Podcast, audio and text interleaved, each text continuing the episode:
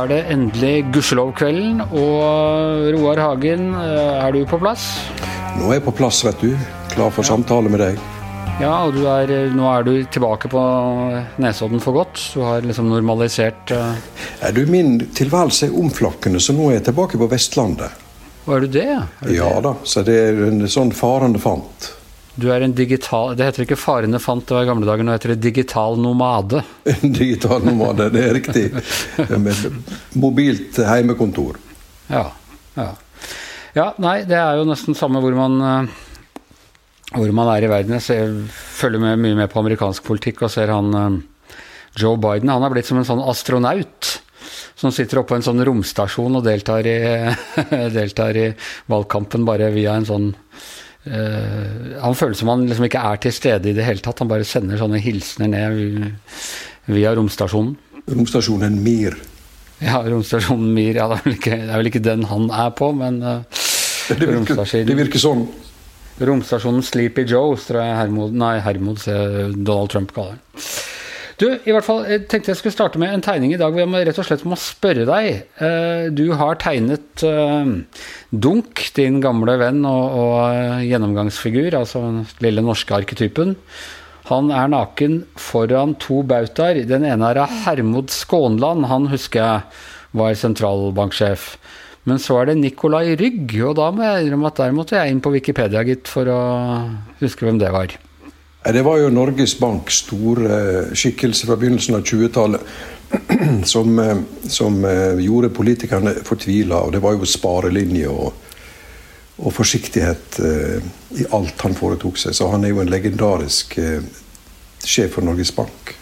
Ja, og han på en måte institusjonaliserte den linja om at nå må vi stramme inn og være forsiktige, og der, vi kan ikke slippe opp. og uh, vi må holde stø kurs, og sånn som alle, enten har vært Høyre- eller Arbeiderpartiregjeringer, har, har fulgt siden i den stillingen? Ja, han fikk jo en slags inkarnasjon i Hermod Skånland da, i, i, vår tid. og Skulle være forsiktig. Skulle ja. husholdere med pengene. Sånn eh, klassisk protestantisk forsiktighet. Norsk nøktern sosialøkonom? Eller nettopp. var det Ja, ja nettopp. Forsiktig. Og nå er han ekstra forsiktig, både han og Hermod Skånland med, har uh, fått munnbind godt over nesa, faktisk.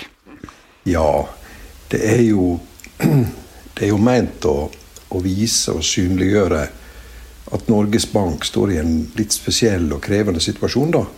Og at disse, disse to uh, forsøker å leve meg inn i, i tankene til disse to avdøde.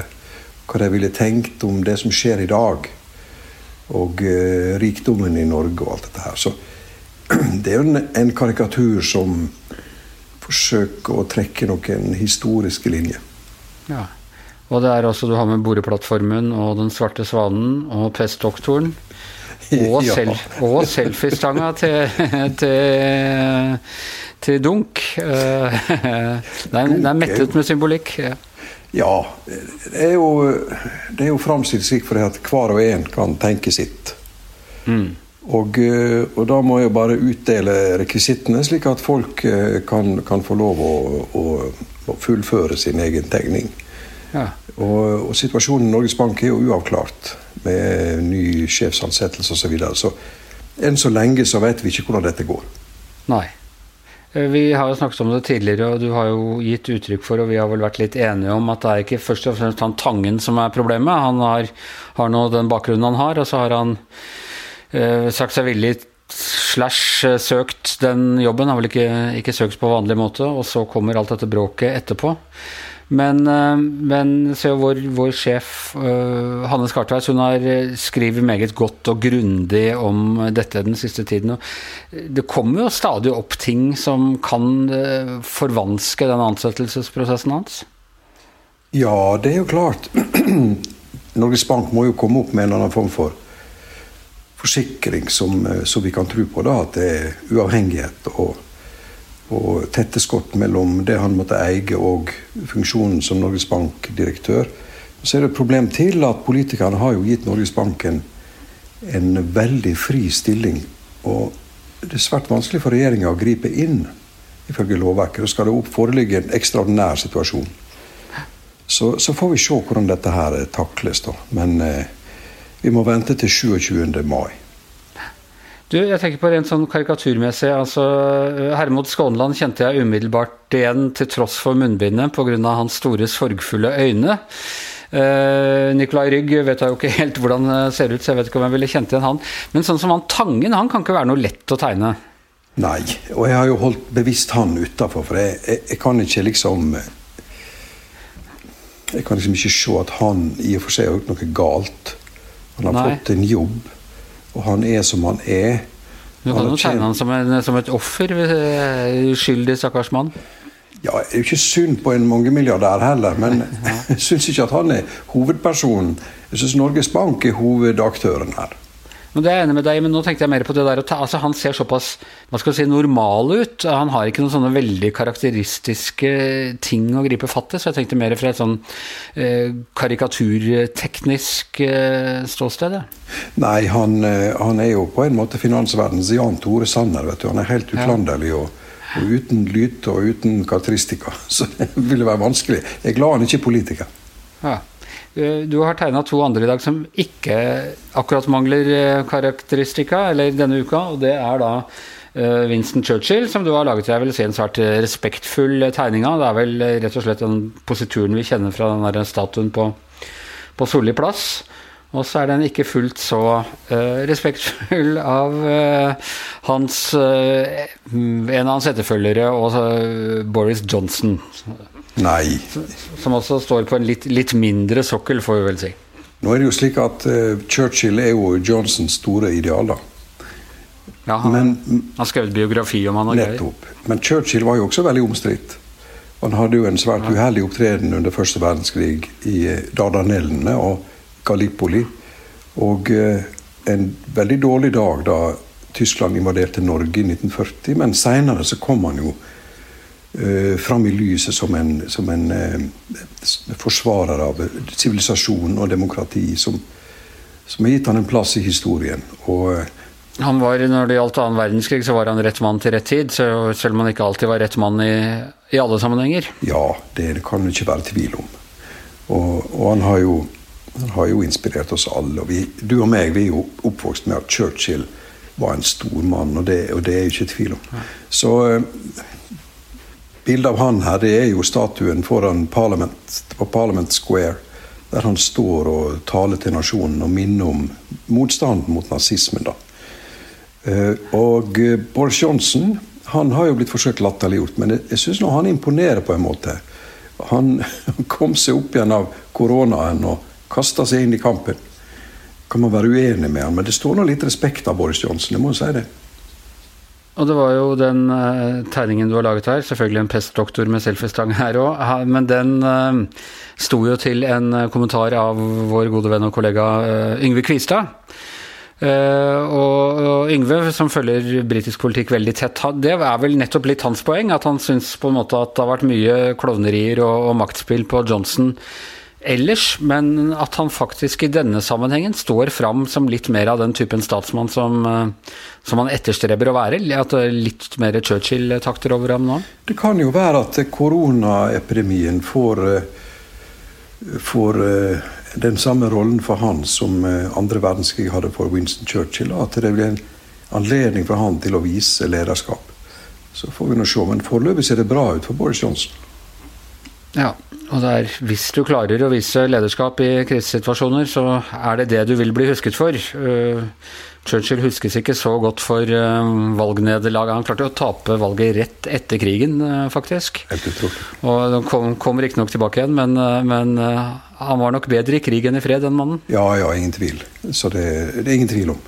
Men, men eh, han er nå den som blir huska, og ikke hans eh, opponent der. Og det er Winston Churchill som står i historien.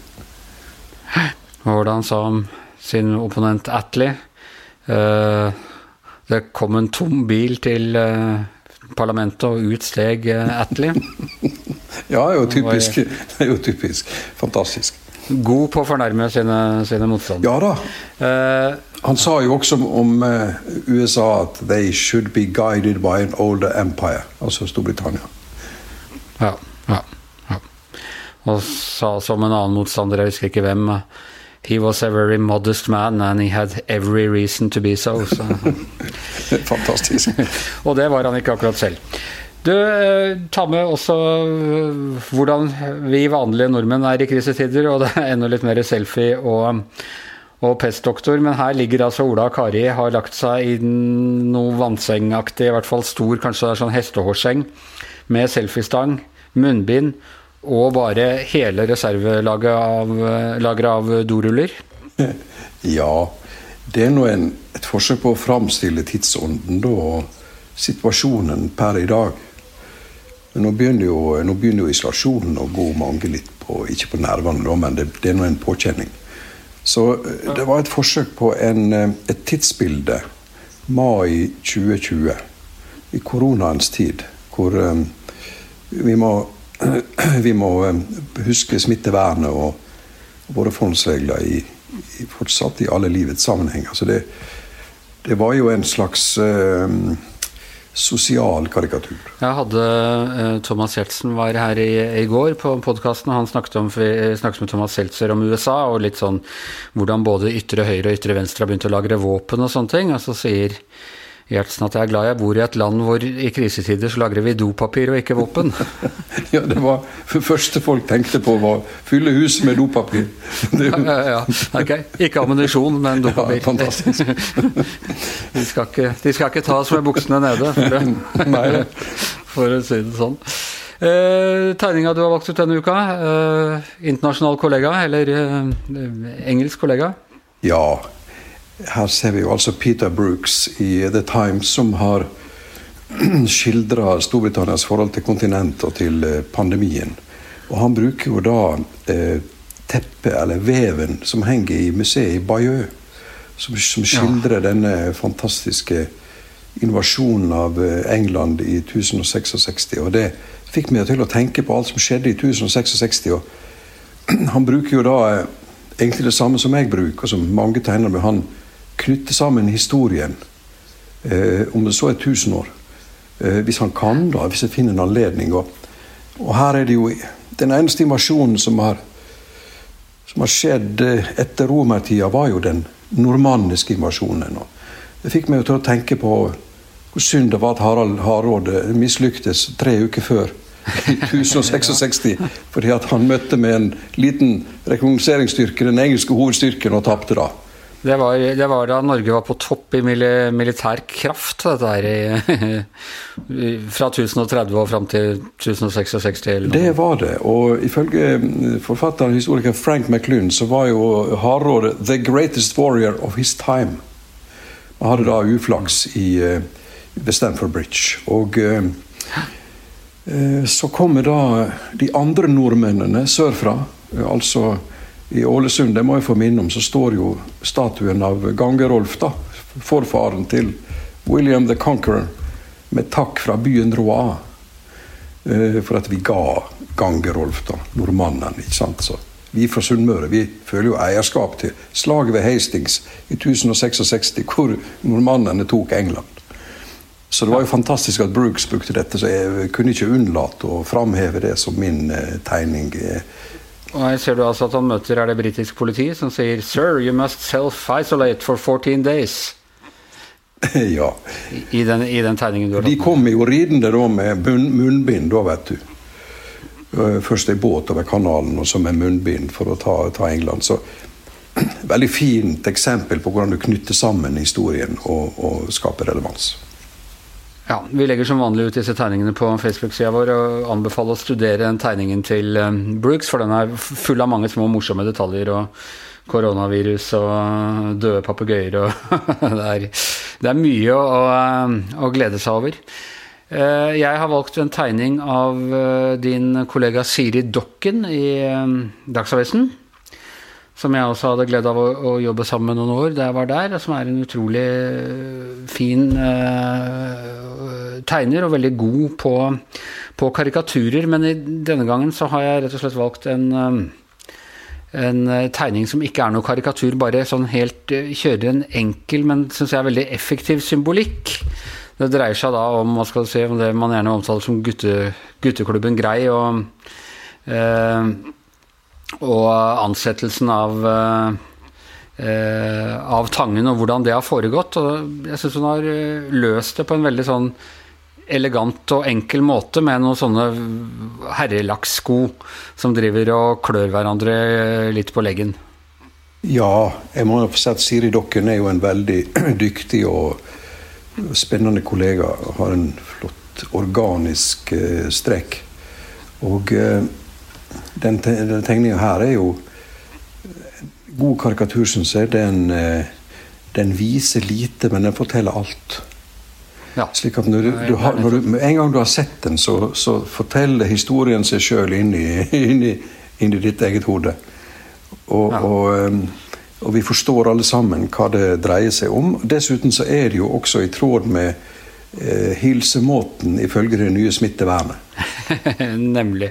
Nemlig. Den får det der lille ekstrapoenget der. Altså at vi bare ja, hilser på hverandre og klør hverandre litt på, på, leggen. Og det er noe med skinnet i lakkskoene og alt sammen som jeg syns at virkelig den, den uh, snakket til meg med, med, en gang jeg ser den. Og apropos det, uh, det er 17. mai uh, denne helgen, Roar. Hvordan skal du feire? Nei, Må nå vel stå ute på terrassen og synge 'Ja, vi elsker', og slik som alle andre med min dårlige sangstemme og stemme i av full hals, ja. og pynte med med bjørkelau og, og, norske flagg. da. Så vi får nå prøve å gjøre det beste vi kan, men det blir nå litt rart. Ja.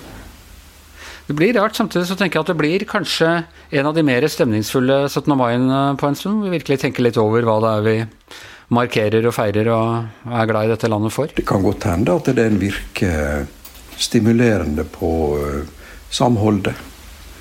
Eh, det blir en annerledes 17. mai som vi aldri kommer til å glemme. Nei.